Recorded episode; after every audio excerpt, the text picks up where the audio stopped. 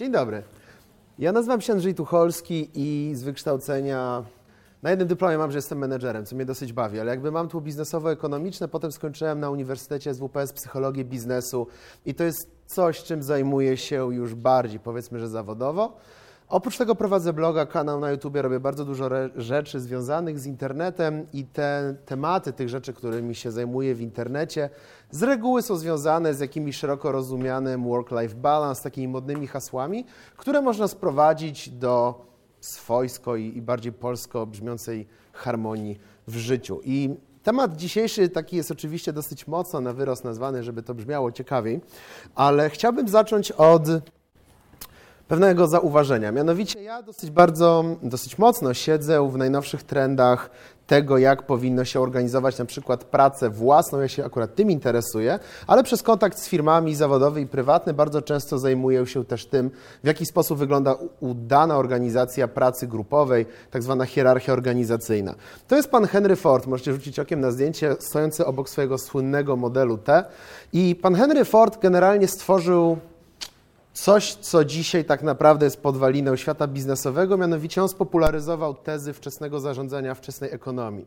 Byli wtedy w świecie ekonomii, ergonomii też tacy panowie jak Taylor, Fayol i, i, i Weber i oni generalnie byli bardzo popularni, jeśli chodzi o swoje tezy w środowisku ludzi, którzy posiadali kapitał, ale jakby Ford uznał, ok, to nie jest głupie, weźmy to wszystko i wdróżmy w robotę. Te cechy, które mają dosyć dużo lat, jak widzicie, to zdjęcie nie jest barwne, nie zostało zrobione iPhone'em, już jakby troszeczkę pokoleń od tamtej pory minęło, a te rzeczy, nad którymi wówczas pochylali się wszyscy ludzie związani z zarządzaniem, brzmią prawie tak samo jak dziś. To są takie, wypisałem sobie, bo pierwszy rok studiów już był dawno temu, to są takie rzeczy jak podział pracy, autorytet, dyscyplina, wynagrodzenie, hierarchia, sprawiedliwość, specjalizacja funkcji w firmie, awanse, przepisy i ład. To są takie rzeczy, to są takie pojęcia firmowe, którymi do dzisiaj się żongluje żongluje, ale tak naprawdę nie dodaje nic nowego. Dlatego właśnie w toku studiów zastanowiłem się, a co jeśli by spróbować dodać coś nowego, być może sięgając do jakichś innych dziedzin psychologii, a nie tylko do tej naszej ukochanej twardej części biznesowej. Z drugiej strony zastanowiłem się nad tym, jak wygląda organizacja pracy e, człowieka. To, co widzicie, w ogóle polecam Wam bardzo przeczytać kiedyś biografię Benjamina Franklina, chyba jedna z najlepszych rzeczy, na jakie można poświęcić popołudnie. Benjamin Franklin spędzał w zasadzie każdy dzień tak samo i to jest górna połowa jego codziennej agendy. On każdego dnia rano zadawał sobie pytanie, jakie dobro dziś chciałbym uczynić, każdego wieczora zadawał sobie pytanie, jakie dobro dziś uczyniłem. Wiecznie sam siebie weryfikował, bardzo dużo czytał, bardzo dużo się dokształcał bardzo wierzył w etos takiej pracy dla pracy, że człowiek musi być zawsze w szczycie swoich umiejętności zawodowych, służbowych, jakichś kompetencyjnych, po to, że nigdy nie wiadomo, co się wydarzy. I akurat Franklinowi to na dobre wyszło, bo facet tak naprawdę, dzięki niemu są Stany Zjednoczone Ameryki, bo jakby taką kulminacją jego życia było to, że spiął wszystkie umiejętności, które kiedykolwiek posiadł a, i namówił Francuzów, żeby pozwoliły w powstawaniu niepodległego kraju na drugim kontynencie. Więc jakby wyszło mu to na dobre, przy czym... A, faktycznie, mam tu kliker, zawsze zapominam. Sytuacja z dniem dzisiejszym jest taka, że troszeczkę mam wrażenie, ludzie mogą nie mieć dzisiaj poczucia, przynajmniej ludzie pracujący w zawodach opartych o informacje, w opartych o usługi. Takie zawody, w których nie ma na końcu takiego produktu, który często daje dumę. Częstym problemem może być to, że nie ma takiego zewnętrznego powołania. Dzisiaj rzadko się mówi o pracy dla pracy, o takim etosie, że po prostu te 8 godzin trzeba jakby władować w społeczność albo władować w świat i ten świat troszeczkę będzie lepszy. Prawie nikt o tym nie myśli, mam takie poczucie. Kiedyś jakieś tam misja była bardziej odczuwalna i ona bardzo pomagała temu, że ludzie odczuwali mniejsze wątpliwości związane ze swoją pracą, bo wiedzieli po co coś robią. Jest duży problem generalnie ze stabilnością też tej pracy, bo ludzie pracujący u Forda wiedzieli, że pracują u Forda i generalnie dziękuję. Ja na przykład wiem, że muszę się ciągle dokształcać, bo co mnie, statystycznie co 3 lata będę zmieniał dziedzinę, którą się zajmuję. A że jestem dosyć wcześnie na jakby ścieżce zmiany tych dziedzin, to już jestem zmęczony, jak pomyślę o tych nadchodzących kilkunastu. Więc jak sobie pomyślę, jak wygląda ten rynek pracy, no faktycznie nie wygląda to jakoś tak szalenie i być może problem tego, jejku, jak mi się nie chce iść w poniedziałek do roboty, może być odczuwany wzmożeniem. Ciekawą sytuację też spróbuję Wam zaprezentować na, bazie, na przykładzie tych dwóch panów. Aktualnie wskazywany przez strzałkę jest Tim Ferriss. To jest amerykański bloger, biznesmen, jeden z pierwszych inwestorów w Ubera, Twittera, w, takie różne firmy, które wszyscy używamy, a, a pochodzą ze Stanów Zjednoczonych. I Tim Ferriss jest generalnie człowiekiem, którego doba ma jakieś 62 godziny albo jest z nim coś poważnie nie tak. On prowadzi bloga, pisze książki, ma podcast, nagrywa rzeczy na YouTubie, wiecznie podróżuje Nie wiem, kiedy on odpoczywa, najprawdopodobniej kiedyś odpoczywa, bo jeszcze żyje, ale jemu to nie sprawia problemu. On się tak zachowuje od 2008 roku, wtedy zacząłem go śledzić i on nawet na dwie minuty nie stracił swojego tempa. Z drugiej strony to jest Charlie Hen, czyli jego prawa ręka, czyli człowiek, który robił jakieś 25% tego, co robi Ferris, a mimo to w pewnym momencie podszedł do niego i powiedział: Nie mogę już tego więcej robić i muszę odejść. I oni dzięki Bogu mieli do, bardzo dobre relacje i zrobili z case'u wypalenia zawodowego Charlie'ego Hena bardzo dobry materiał, z którego generalnie potem powstało dużo prywatnych badań. Dużo firm się też zgłosiło do tej dwójki. Słuchajcie, to jest niezły pomysł. Pogadajmy razem, czy my na pewno wiemy, co powoduje wypalenia zawodowe. Być może jest coś, czego nie wiemy. Oni we dwóch na tym siedli i przejdziemy do takiej części, w której próbuję powiedzieć coś nowego, a nie tylko to, co się wydarzyło. Oni się zorientowali, tak jak wspomniałem już na początku, problemem jest to, że nie za bardzo wiemy, jak gadać z dzisiejszymi pracownikami na temat ich motywacji, bo w kółko używamy tych samych stwierdzeń, co w XIX wieku. Nie za bardzo wiadomo też, jak sobie radzić z konfliktami, bo konflikty nie są aż tak często znowu oparte o taką klasyczną rzecz, że grupa jedna chce jedno, grupa druga chce drugie, wybucha wielki konflikt klas i, i generalnie przekonań. Bardzo często konflikty powstają z jakichś malutkich drobnostek w biurach.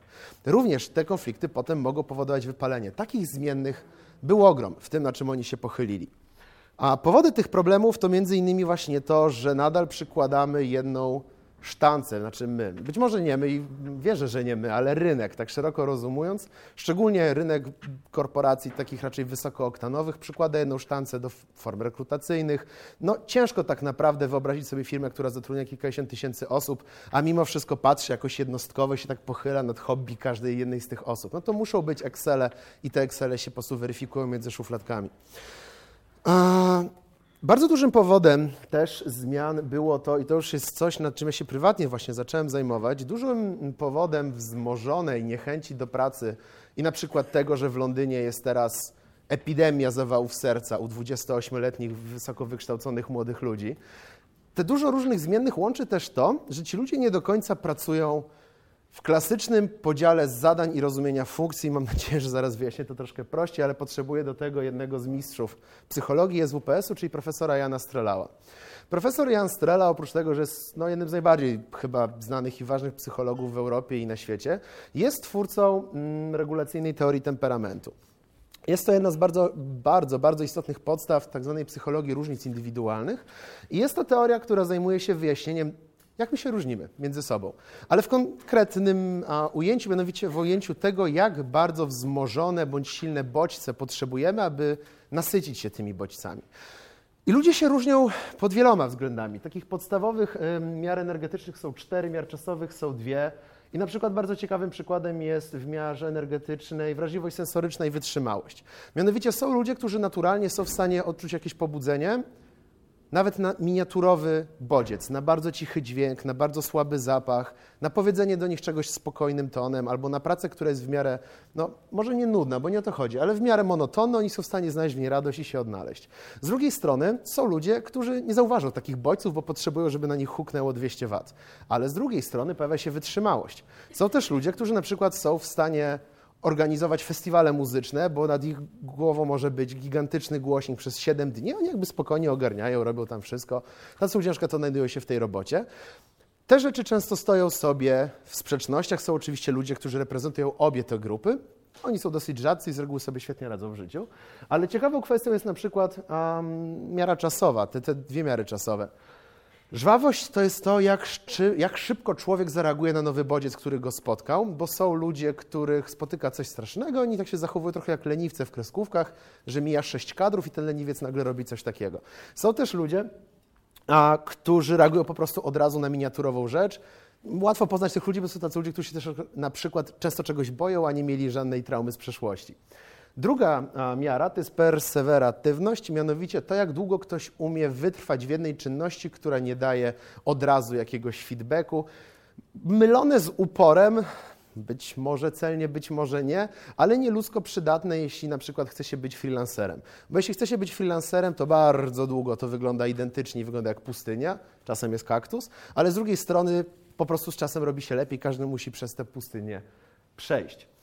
To jest jakby jedna z podstaw. Druga z podstaw, która mnie zainteresowała, to jest dorobek Briana Satona Smitha. On zmarł dwa bądź trzy lata temu. To był fantastyczny psycholog zajmujący się zabawą. I on zaobserwował nie ludzko, w mojej prywatnej opinii, ciekawą rzecz. Mianowicie, zabawa wzbudza fizyczne, emocjonalne, mentalne pobudzenie, ciekawość, podnosi tak zwany no, poziom energii, tak lekko mówiąc. To był psycholog z czasów, kiedy jeszcze używano takich ładnych określeń, nie do końca empirycznie poprawnych być może. Generalnie zabawa jest czymś, co sprawia, że ludziom się chce, że ludzie sami z siebie, nawet jak im się nie powiedzie, no przez myśl im nie przejdzie odpuścić, bo w zabawie chodzi o to, żeby trwała. Nikt się nie weryfikuje non-stop, czy idzie, czy nie. I Brian Sutton Smith badał sobie tę zabawę, badał sobie te zabawy i w pewnym momencie zorientował się, że kiedy weźmie się rzeczy definiujące zabawę, właśnie to pobudzenie fizyczne, pobudzenie emocjonalne, ciekawość i tak dalej, i na, każdym, na każdej z tych cech zastosuje się odwrotność, czyli brak pobudzenia fizycznego, brak ciekawości, brak motywacji, okazuje się, że idealnym przeciwieństwem zabawy jest depresja. To są wszystko wskaźniki człowieka, który ma ciężką depresję. Mówi się czasami w takiej literaturze, powiedzmy, popularno-pozytywnej, że właśnie przeciwieństwem depresji jest szczęście, jakieś tego typu rzeczy. Okazuje się, że psychologia ma w swoim mniej popularnym nurcie, ale moim zdaniem te badania jeszcze kiedyś będą, będą mocniej znane, właśnie okazuje się, że przeciwieństwem depresji jest zwyczajna zabawa. Co z tego wynika? Zajmuje się tym jedna osoba w Ameryce, czyli Jane McGonigal aktualnie. A McGonigal jest projektantką gier wideo, co jest dosyć fajnym połączeniem, biorąc pod uwagę, jakby jak ta historia zaczyna się spinać dookoła zabawy. I Jane McGonigal sama wyszła z bardzo ciężkiej traumy prywatnej właśnie przy pomocy można na to powiedzieć brzydko, grywalizacji, bo tak by tam sobie nadawała punkty za różne rzeczy, ale nie chodziło o grywalizację, tylko raczej spojrzenie na świat jak na ciekawe wyzwanie, że okej, okay, jakby przegram, pójdę dalej, coś się wydarzy, nauczysz się czegoś nowego. Ona wzbudziła w sobie taki ogólny, luźny sposób patrzenia na motywację i rzeczy, które ją rozwijają. Poza tym ona zauważyła, że bardzo ważną cechą, ona się też zajmuje doradztwem dosyć dużym korporacjom, ona zauważyła, że ciekawą cechą zabawy w rozumieniu gier wideo jest też to, że one posiadają jakąś taką krzywą uczenia się, jak to się ładnie mówi. I na pierwszym levelu, jeśli ktokolwiek kiedykolwiek w cokolwiek grał, wiadomo, że pierwsza mapka będzie najłatwiejsza. Mecz z drużyną, która dopiero zaczyna w piłkę nożną, też jest dosyć prosty. Za to, jak się gra w ostatnie mapki albo gra się przeciwko Lidze Mistrzów, sprawa zaczyna być minimalnie skomplikowana. I ona się zorientowała, że być może fajnym case'em byłoby zastosowanie tego typu myślenia do pracowników. Nie tylko w rozumieniu przeszkulmy go, a potem już dzida, albo by, można też zastosować tak zwany onboarding. Kto kiedyś, ktoś się zajmował z aplikacjami mobilnymi może tu na sali? Tylko ja mam dziwne pomysły, być może. A jak macie aplikację mobilną, bardzo ważną jej cechą jest tak zwany onboarding. I onboarding polega na tym, że otwieracie ją pierwszy raz i apka mówi wam, co macie robić. Mianowicie, jak otwieracie pierwszy raz, powiedzmy, Instagrama, on podpowiada, że fajnym pomysłem jest zaobserwować pięć kont. No to tam klikacie, nie wiem, Barack Obama, ładne obrazki, ktoś tam, ktoś tam, ktoś tam. I potem Instagram mówi, a fajnym pomysłem jest kliknąć dwa razy, to wtedy się pojawia serduszko, to znaczy, że wy lubicie. Mhm. I potem się pyta, czy mam was skomunikować z Facebookiem, to sobie ściągniesz znajomych i zobaczysz, co oni porabiają. Mhm. Instagram tak powolutku, kroczek po kroczku wyjaśnia rzeczy, aż człowiek jest płynny w używaniu aplikacji, której na oczy nie widział 10 minut temu. Ale potem taki człowiek ma sobie te 10 kont na Instagramie i zaczyna je dodawać już potem po jednym, zaczyna wchodzić w taką szaloną zakładkę jak Discovery i klikać w ogóle w obcych ludzi, to jest dosyć egzotyczne z psychologicznego punktu widzenia. Obserwuje jakichś fotografów z Panamy albo z Argentyny i robi się ciekawie. I w tym momencie powstaje gigantyczna aplikacja, którą potem się kupuje za wiele miliardów dolarów, będąc inną wielką aplikacją. I Jane McGonigal zastanowiła się, czy da radę zaproponować dosyć podobne rozwiązania, na przykład w kontekście szkoleń w korporacjach? Czy da się w taki sposób podchodzić do działów pracowniczych? Czy da się w taki sposób podchodzić do tego, jak ustrukturyzowane jest właśnie na przykład takie, powiedzmy brzydko, a anglizując, onboardowanie pracownika w innym rozumieniu niż przeszkolenie, staż i, i potem już awanse? Bo na przykład z takim dosyć klasycznym problemem zarządzania z awansami jest moment, że osoba awansuje do momentu, kiedy przestaje być kompetentna. Bo to tak wygląda, że ktoś ma, jest w czymś fantastyczny, dobra, no to będzie tym menedżował. Jest fantastyczny, dobra, to dostanie cały dział. Jest beznadziejny jako szef działu, ale a, nie wolno go już zdepromować w dół, bo to trochę dziwne. No już on dalej nie awansuje, no i potem siedzi na takim stanowisku i nie za bardzo wiadomo, co z nim zrobić, a tak zwane awanse boczne jakieś szalenie fajne nie są. I właśnie Jane McGonigal siedzi i myśli nad takimi różnymi rzeczami w Ameryce. Miałem przyjemność z nią porozmawiać na ten temat, a, a w wyniku dosyć dziwnej historii. Mam wrażenie, że warto ją śledzić, ona dosyć dużo pisze na ten temat. Ale przechodząc dalej, czyli to, co było jakby na dole napisane u mnie w prezentacji, czyli że chciałbym trochę pogadać o eksperymentalnych formach organizacji pracy. Jak się słyszy organizacja pracy, to się, jeśli ktokolwiek studiował zarządzanie, to się widzi takie schematy blokowe. Ten dział ma cztery pod sobą, ten ma pięć pod sobą, konsultanci są z boku, jeszcze jest jakaś tam, nie wiem, centrala w Hongkongu, powiedzmy. Świetnie, tylko wracając do początku prezentacji, to cały czas jest ten problem, że mówimy o rzeczach, które były aktualne w XIX wieku. Wydaje mi się, że parę rzeczy doszło od XIX wieku, na przykład to, że rozmawiamy ze sobą nie tylko listownie bądź konno. A Pierwszą taką rzeczą, która się robi bardzo popularna w Europie, jeśli chodzi o organizację pracy, to jest zwykły spokój. Mianowicie, wydaje mi się, że we Francji zabroniono pracować po 17 czy po 18 w piątek i są kary za używanie maila służbowego. W sensie, można mieć naprawdę duży problem, jak się wyśle maila służbowego w tak zwanym, no, w prawnym rozumieniu weekendu. Bardzo dużo korporacji na ten temat sobie gada też wewnętrznie, czy nie zrobić czegoś takiego, że jak pracownik jest out, to on ma być out z tej pracy, żeby nie myślał o niej wiecznie, bo to wypala w tempie no, szybszym niż ognisko zapałkę. Druga rzecz jest taka, że coraz więcej korporacji mm, zaczyna wracać trochę z takiego zgubnego trendu przyspieszania procesów.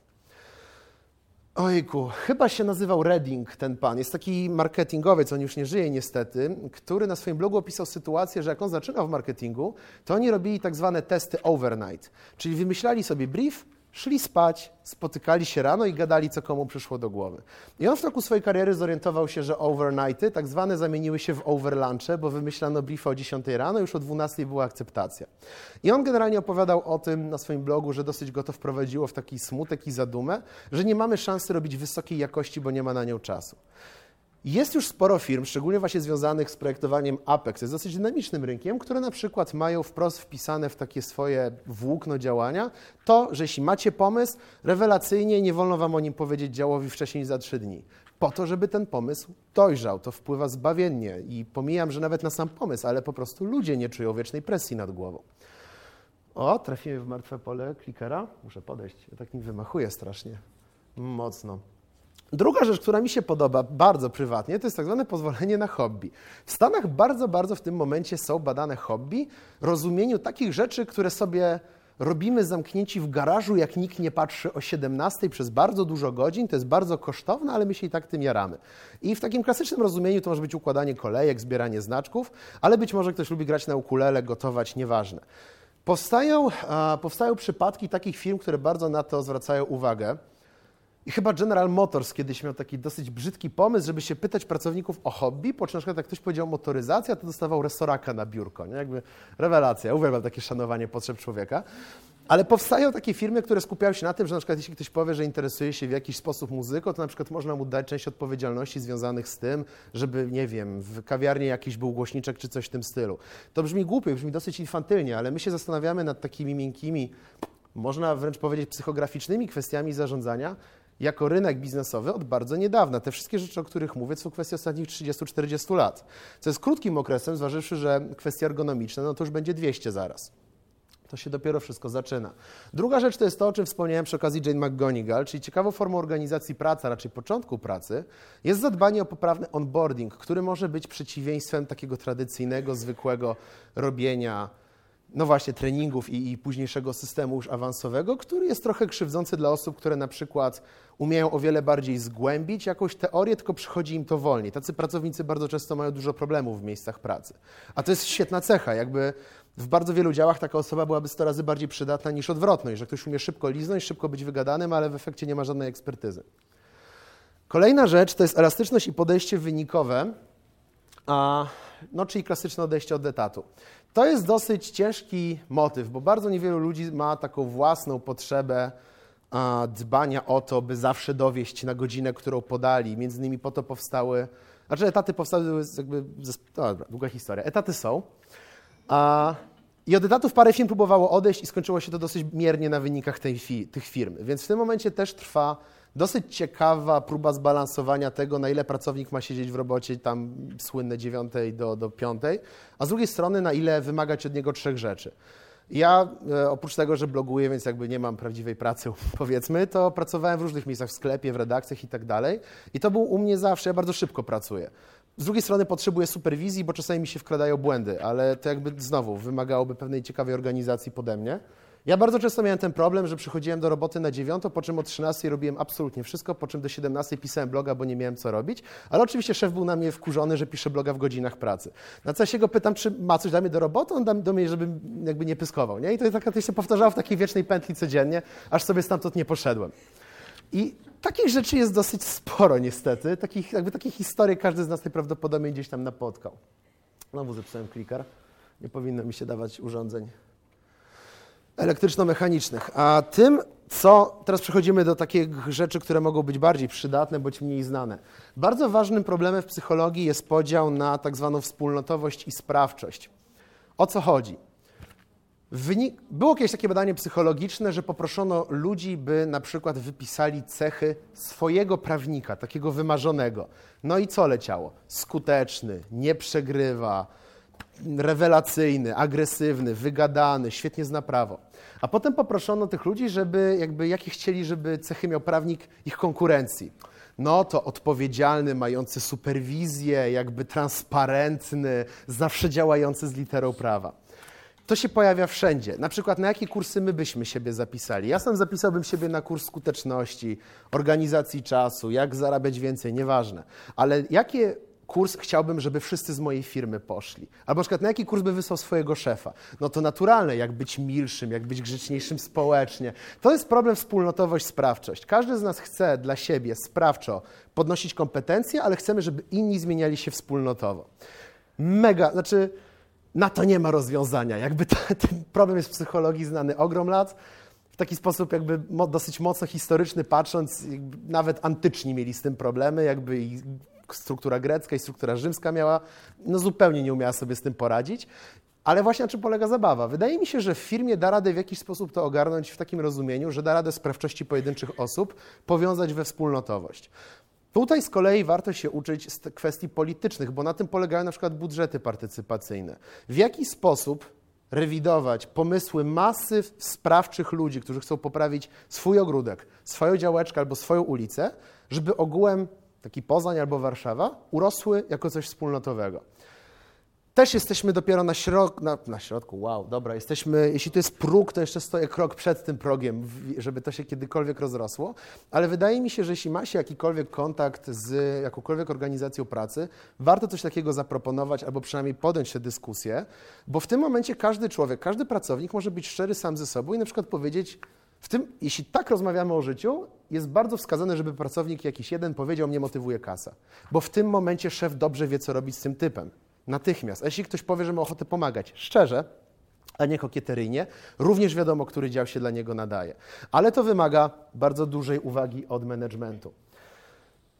I takim tematem chyba najtrudniejszym, którym to jest znowu to, czym ja się prywatnie zajmuję, jest funkcje versus funkcje. Ktoś tu jest z y, czymkolwiek związanego z reklamą, agencje kreatywne, coś takiego, domy mediowe? Okej, okay. no ja powiedzmy, że też mam styk, może być. W takich agencjach kreatywnych w zasadzie wszyscy robią to samo. W sensie każda osoba musi być trochę sprzedawcą, trochę grafikiem, ogarniać face'a, wiedzieć jak negocjować, mieć kontakt ze Stanami, ogarniać jakieś tam power managery, miliard różnych kompetencji. Ale oczywiście miejsca w takich robotach są definiowane tam grafik, a, jakiś tam senior project manager i tak dalej. Gdzie się pojawia problem? Mam wewnętrzne poczucie, ono jest na razie niepodparte niczym, bo jeszcze dopiero muszę namówić SWPS na wspólne badanie, ale może, że się, możliwe, że się dogadamy a, bo pracuję tam od, od jakichś dwóch miesięcy. Wydaje mi się, że takich firm będzie coraz więcej i o wiele fajniejszym tematem byłoby zastanowienie się, jakie funkcje naturalne mają ci ludzie.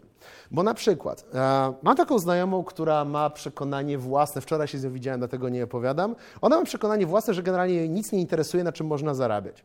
Ale z drugiej strony, jak na przykład ona ogląda film, ona go analizuje tak doszczętnie do ostatniej kropeczki, dlaczego ktoś coś zrobił i tak dalej. Ona by była rewelacyjnym audytorem firmowym.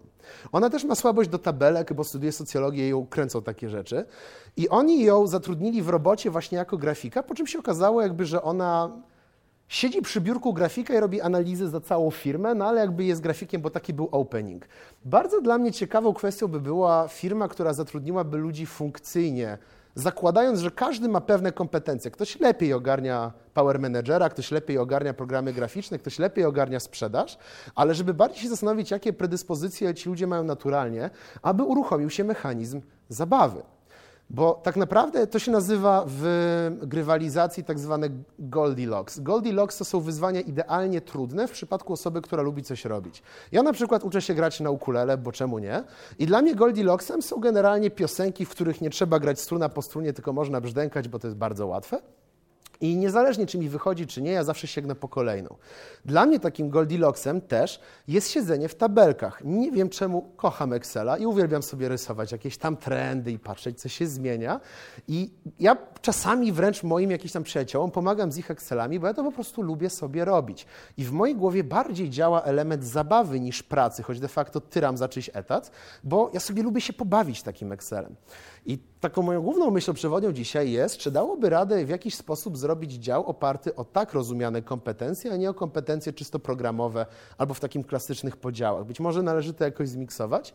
Wydaje mi się, że bardzo, bardzo dobrym pomysłem byłoby to dalej badać. Kwestią, no właśnie, kwestią dosyć silną byłoby wyzwanie dla managementu, bo HR i tak ma już problem. Jakby ja niedawno współpracowałem z pewnym dużym bankiem, oni we Wrocławiu na, na duże targi karier wypchnęli masę headhunterów, masę ludzi z HR-u, żeby pogadać z tymi dziewiętnastolatkami, którzy jeszcze nie wiedzą, co chcą robić. I się niestety, znaczy to, że dziewiętnastolatkowie nie wiedzą, co chcą robić, to jest klasyk od prehistorii, ale okazało się, że ci HR-owcy i headhunterzy również zadają te takie pytania bardzo uformowane, jakby jak robić sobie, nie wiem, pan ze stresem. I to, znaczy, ale nie, gdzie się pojawia problem? O, gdzie mieli szczęście, jak poszło szkoła. Jak sobie radzimy ze stresem? Dokładnie. Nie, na czym polega zabawa? Jak sobie radzimy ze stresem? To jest pytanie, na które z jakiegoś powodu w HR-ze jest dobra odpowiedź. Mianowicie świetnie. A w bardzo wielu działach są potrzebni ludzie, którzy sobie gorzej radzą ze stresem, bo na przykład będą niesamowicie czuli na błędy różnego sortu. HR jest nastawiony zero-jedynkowo na rzeczy, które mają w obie strony spektra.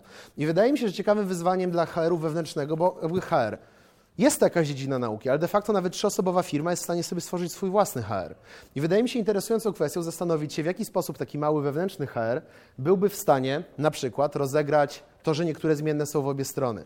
Jak wziąć jakiegoś pracownika, który ma dosyć szczególną predyspozycję i użyć ją, żeby używał tej predyspozycji, a nie jakiegoś klasycznego rozumienia działu. Problemy są dosyć oczywiste. Kto zaufa HR-owcowi wygada się z tego, na przykład z czym ma słabość. Wydaje mi się jednak, że znowu mamy wspólnotowość i sprawczość. Wydaje mi się, że nawet jeśli pracownicy zaczną myśleć wspólnotowo o tej grupie, to de facto bardziej im to zadziała sprawczo na życie, bo jeśli oni wprost powiedzą, Jestem, mam słabe, powiedzmy, wróćmy do tego stresu, bo to był fajny, fajny moment. Powiedzmy, że jestem dosyć czuły na stres. Okay, może nie dostanę roboty, ale co to oznacza dla mnie? Po pierwsze, nie dostanę wypalenia zawodowego i ciężkiej nerwicy przed 40. Dosyć interesująca mnie rzecz w życiu. Druga sprawa jest taka, że być może powiem herowcowi, słuchaj, a czy mogę przejrzeć wasze openingi i na przykład spróbujemy razem się zastanowić, albo zadzwońcie do psychologa swojego pokładowego. Może jest jakaś robota, która się dokładnie nadaje do osoby czułej na jakiekolwiek błędy, bo ma, bo ma jakąś lękowość. Wydaje mi się, że nawet jak jedna firma zacznie to robić i pozwoli się wybadać, to będziemy mieli dosyć duży trend. A o co chodzi z tym, jak nie przepracować jednego dnia? To, o czym opowiadałem, w mojej przynajmniej głowie, ma duży związek z tym, że trochę źle rozumiemy pracę. I o tym niedawno mówił taki artysta, którego cenię, e, Austin Kleon. Bardzo Wam po, doradzam poczytać jego podejście do, do w ogóle tego, co się powinno w życiu robić. Ale tak dosyć mocno, ciężko i dawniej zajmował się tym wybitny psycholog Viktor Frankl. I o co chodzi? Jak nie przepracować jednego dnia jest bardzo łatwo, mianowicie lubić coś, co się robi, ale żeby to nie brzmiało jak truizm. Dzieci są wychowywane też w szkołach, że na razie się cieszcie, bo jest fajnie, bo potem to będzie praca. I to samo ja widziałem na tych targach, kiedy biegałem z tym bankiem i ja tam zajmowałem funkcję typa z mikrofonem i męczyłem tych biednych dziewiętnastolatków, żeby coś mi mówili. I każdy z nich jakby miał takie podejście, że jakby studia są rewelacyjne, no ale muszę pójść na staż, nie? Jakby koniec tego fajnego, po co żyć, nie? Ja tak trochę nie umiałem tego zrozumieć, bo jakby wszystko, co fajne w moim życiu, zaczęło się w momencie, kiedy zacząłem pracować, tak realnie. Jakby to jest ten moment, kiedy zacząłem się definiować, rozwijać i kocham to, co robię, ale no właśnie, jest straszna luka w tym momencie. Dlatego, będąc osobą prywatną, ale również znowu będąc managementem, wydaje mi się, że fajną kwestią jest zastanowienie się, w jaki sposób mówić o tej pracy, żeby to nie wzbudzało tych takich kotwiczek, które mamy kulturowo zakorzenione przez wychowanie, przez szkołę, przez studia, że nawet sesja jest ok, bo potem będzie praca. Jak komuś się odpali ta kotwiczka, no to to brzmi słabo, jakby ciężko od takiej osoby wymagać, że ona będzie czuła jakąkolwiek zabawę w tej robocie. Ale jak się z taką osobą pogada, słuchaj, i tak tu spędzasz 8 godzin dziennie, no, z jakiegoś powodu złożyłaś tutaj CV, więc jakby być może chcesz tu być. Są jak, jest jakieś prawdopodobieństwo, że chcesz być w tym budynku z nami. Być może jest jakaś szansa, żebyśmy zamienili to w proces, który jest dla Ciebie fajny i zrealizujesz swoje prywatne cele, przy okazji realizując nasze cele działu. Wydaje mi się, że taka rozmowa jest w stanie rozwiązać masę problemów, no, zaczynając choćby od tego, że będzie mniejsza rotacja pracownicza, czyli mniejsze koszty na wieczne przeszkalania. No, tutaj możemy już wymieniać te punkty w nieskończoność. I tak się obawiałem, że to koniec. Bardzo Wam dziękuję i mam nadzieję, że było choć trochę przydatne. Thank you.